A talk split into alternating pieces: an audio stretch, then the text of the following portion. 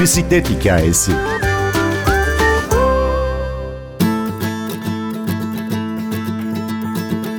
Biyoloji profesörü, 37 yıllık lisanslı sporcu ve 3 kez Türkiye şampiyonu. İrfan Türetken, imkansızlıklara rağmen pedallamaya devam etmenin hazzını anlatıyor. Bize eşlik edecek şarkı Bon Jovi'den Keep the Faith.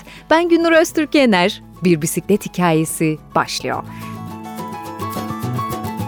1985 senesinde Üsküdar'da evimize çok yakın bir yerde Anadolu Hisarı Bisiklet Kulübü'nün atölyesi açılıyor.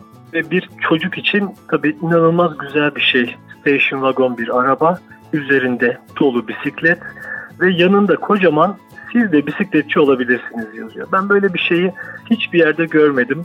Çok cezbedici bir şey. Hemen babamı aldığım gibi baba ne olur beni kulübe götür.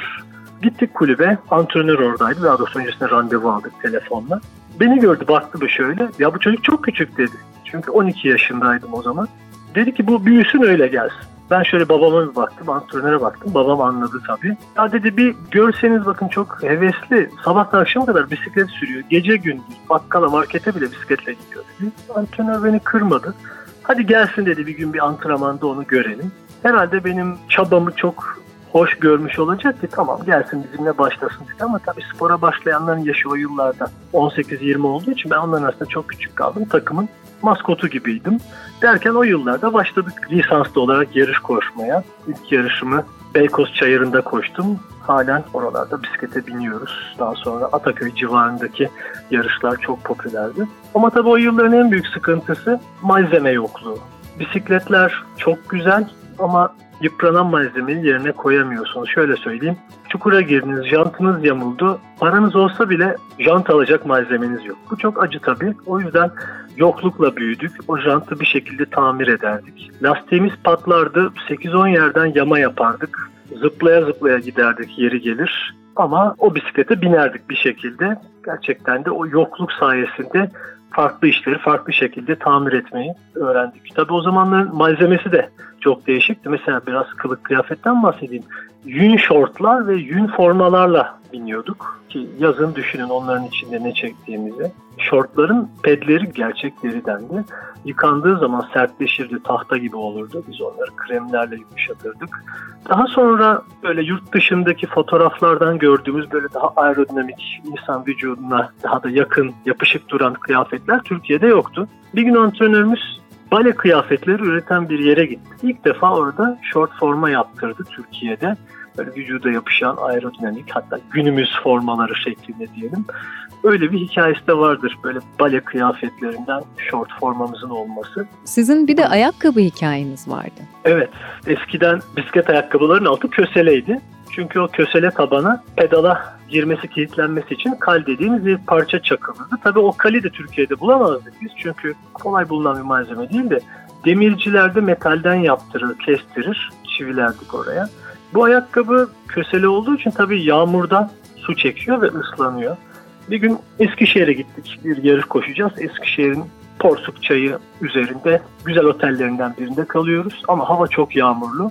Federasyon yarışı iki gün peş peşe doğal olarak yarış var. İlk gün yol yarışı, ikinci gün tur yarışı. Genelde standarttır federasyon yarışları böyle düzenlenir. O kadar çok yağmur yağdı ki ayakkabılarımız çok su çekti. O gün yarışı bitirdik ama ertesi günde o ıslak ayakkabıyı giymek istemiyorduk. Biz de ne yaparız ne ederiz dedik. Bunu hızlıca kurutmamız lazım. Ama tabii bu tip ayakkabıları ve güderi şortları hızlı kurutmamanız gerekiyor. Yoksa deforme oluyorlar. Ama biz ertesi gün yarış var diye otele gittik lobiye ütünüz var mı dedik. Kat hizmetlerinden bir ütü aldık. Ayakkabıyı düşük sıcaklıkta ütüledik. Akşam yatarken kuru gibi oldu ayakkabı. Yaptık formalarımızı hazırladık. Temiz formalar, yeni numaralar takıldı. Ertesi sabah kalktığımızda bir baktık hepimizin ayakkabıları hızlı kuruduğu için bükülmüş, eğilmiş neredeyse 8 rakamının şekline gelmiş. Dolayısıyla ayakkabıları ertesi gün yarışta kullanamadık maalesef. Neyse ki o zamanlar ayakkabıları pedala bağlamak için kayışlar vardı. Normal spor ayakkabıyla yarışı koştuk. Ama tabii ki hiçbir zaman gerçeği gibi olmadı. Dolayısıyla bu da böyle bir dramatik anı olarak kaldı aklımızda. Sonrasında ayakkabıların tabanı plastik hatta karbon malzemeye döndü. Günümüzde artık o tip sıkıntıları neyse ki yaşamıyoruz.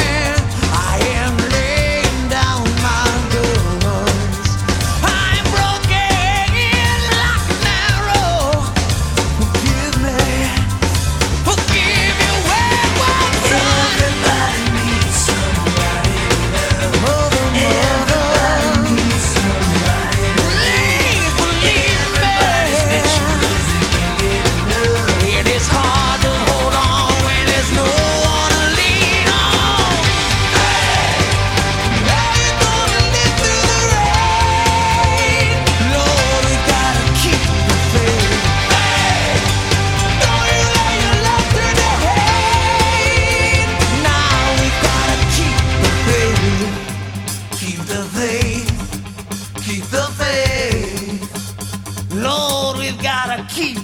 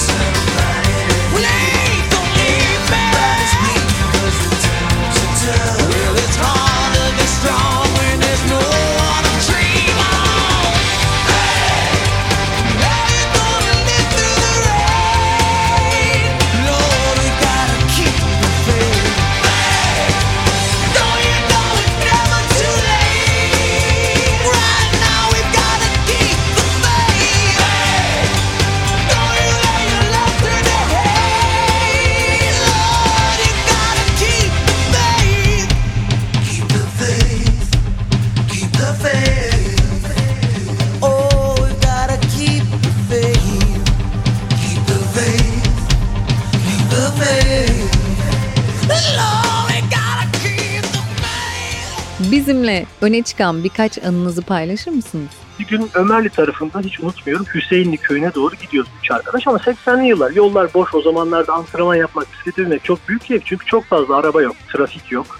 İleride bir koyun var bağlamışlar bir direğin dibine biz de üç kişi yan yana böyle sprint atar gibi süratli gidiyoruz. Koyun bizi gördü. Yolun sağındaydı. Bağlamışlar direğe. Bizi görünce bir panikledi. Yolun öbür tarafına koştu. Ama ipi kısaydı. Yolun öbür tarafına kaldı. ipi gerildi. Biz üçümüz o ipe takıldık. Hepimiz orada takla attık. Üstümüz başımız yırtıldı. Canımız çok acıdı ama halen böyle geriye baktığım zaman hoşuma gider tatlı bir anısı vardır. Bir sene Van turundayız 88 senesi. Beşinci etap çok uzun Tatvan'dan Van'a gidiyoruz. Artık epey yorulmuşuz. Bir haftadır yollardayız. Suyumuz bitti ve biz de geride kalmıştık. Hiçbir su yardım arabası yok. Kimseden su alamayacağız. Köy yok. Böyle dümdüz bir yolda gidiyoruz. O kadar susadık ki artık gözümüz karardı. Yolun kenarına çektik. Baktık bir tane yalak var. İnekler su içiyor. İçinde kurbağalar var. Dedik ki kurbağa varsa inek bu suyu içiyorsa bize de bir şey olmaz. Mataralarımızı oradan doldurduk. İnanın onun kadar tatlı gelen bir suyu bir daha hayatımda içmedim. Muhtemelen çok susamıştı. O yüzden bize çok güzel gelmişti tabii. Daha önce şöyle bir sözünüz olmuştu. Bisikletin üzerindeyken kask ve gözlüğü taktığımızda kimse bizi tanımıyor. Öğrencileriniz acaba sizin bisiklet yaşamınızı ne kadar biliyor, ne kadar paylaşıyorsunuz onlarla? Artık yeni nesil öyle ki ders alacağı hocanın ismini bir kere internete yazıp bakıyor. Bazıları şöyle diyor, hocam sizin isminizde bir bisikletçi var diyor, siz o musunuz? Ya da daha da ilginci profesör olarak görev alıyorum jürilerde, doçentlik adayları. İnternette beni araştırıyorlar. Bir araya geldi diyor ki, hocam size benzeyen birisi var diyor, bisiklete biniyor. Ben de diyorum o benim kaskı gözlüğü takınca dediğim gibi çocuk oluyorsunuz ve tanınmamak güzel bir şey. Yoksa düşünsenize bisiklete biniyorsunuz otobüste ya da aa bizim hocaya bak işte tight giymiş, short giymiş. Bir de belki daha önceki programlarda konuşulmuştur. Bisikletçiler biliyorsunuz bacaklarını tıraşlıyor. O da ilginç bir şeydi. Tabi bu 80'li yıllarda çok daha insanların garibine gidiyordu. Ailem, teyzelerim, kuzenlerim falan görünce İrfan hadi bir bacağını açsana görelim kılsız tıraşlı bir erkek bacağı. Onlara çok cazip geliyordu. Nitekim lisede, üniversitede de. Oysa bisikletçiler bunu öncelikle çok sık masaj oldukları için o kılların yolumaması amacıyla tıraşlıyorlar. Onun dışında tabii ki kazalar oluyor. Asfalt yanıklarında kabuklar çabuk kurusun diye, kolay düşsün diye kılsız bacak bir avantaj. Ha, onun dışında tabii bir de bir işin estetik yönü var. Gerçi günümüzde artık erkekler estetik ya da kozmetik amaçlı işte bacaklarını, üst gövdeyi de tıraşlıyorlar. Artık böyle çok matah bir şey değil bunlar ama o yıllardan bir alışkanlık hala masaj olmasak bile bu işin raconu böyle kıllı bacaklara bizler kendimize tahammül edemiyoruz. Yeni başlayanlar da işte diyorlar ben işte tight giymem, kırmızı çizgimdir, bacaklarım tıraşlama falan bir süre sonra bakıyorsunuz. Onlar da önce tight'a geçiyorlar. Çünkü bakıyorlar olmuyor short dalgalanıyor. Sonra bakıyor kıllı kıllı bir sosyal sürüş yapıyorsunuz. Herkesin bacaklar tertemiz, kaslar görünüyor, güzel yanmış, parlamış. Onlar arada sırtınca bakıyorsunuz bir gün onlar da bacaklarını jiletlemiş, tıraşlamış geliyorlar. O yıllarda gazeteler haber olmuştu abi bisikletçiler bacaklarını tıraşlıyor diye. Tabii o yıllarda çok görünen bir şey değil. İstanbul'da toplasanız 20-30 tane bisikletçi vardı. Şimdi bugün 10 binin üzerinde lisanslı bisikletçi var İstanbul'da. Şöyle bir söz vardır. Sürün, bisiklet sürün. Uzun ya da kısa, hızlı ya da yavaş. Düzde ya da yokuşta, yağmurda veya güneşte. Sürün, sürün. Gezmek için, yarışmak için, sosyalleşmek için ya da sağlık için. Sebebiniz ne olursa olsun. Kendimi de hala 18-20 yaşlarında hissediyorum bisiklet üstünde. Çünkü sağlıklı bir spor. Kilo almıyorsunuz, formunuzu koruyorsunuz. Şimdilik yaşlandığımı hissetmiyorum. 50'ye bir sene kaldı. Bakalım bu ne kadar devam edecek. Umarım uzun yıllar daha pedal çevirmek için fırsatım ve bahanem olur. Bisikletli profesör İrfan Türetgen anlatıyordu. Henüz kendiniz için bir pedal çevirme bahanesi bulamadınız mı? Ben Gündür Öztürk Yener, prodüksiyonda Ersin Şişman. Öyleyse bizi dinlemeye devam edin.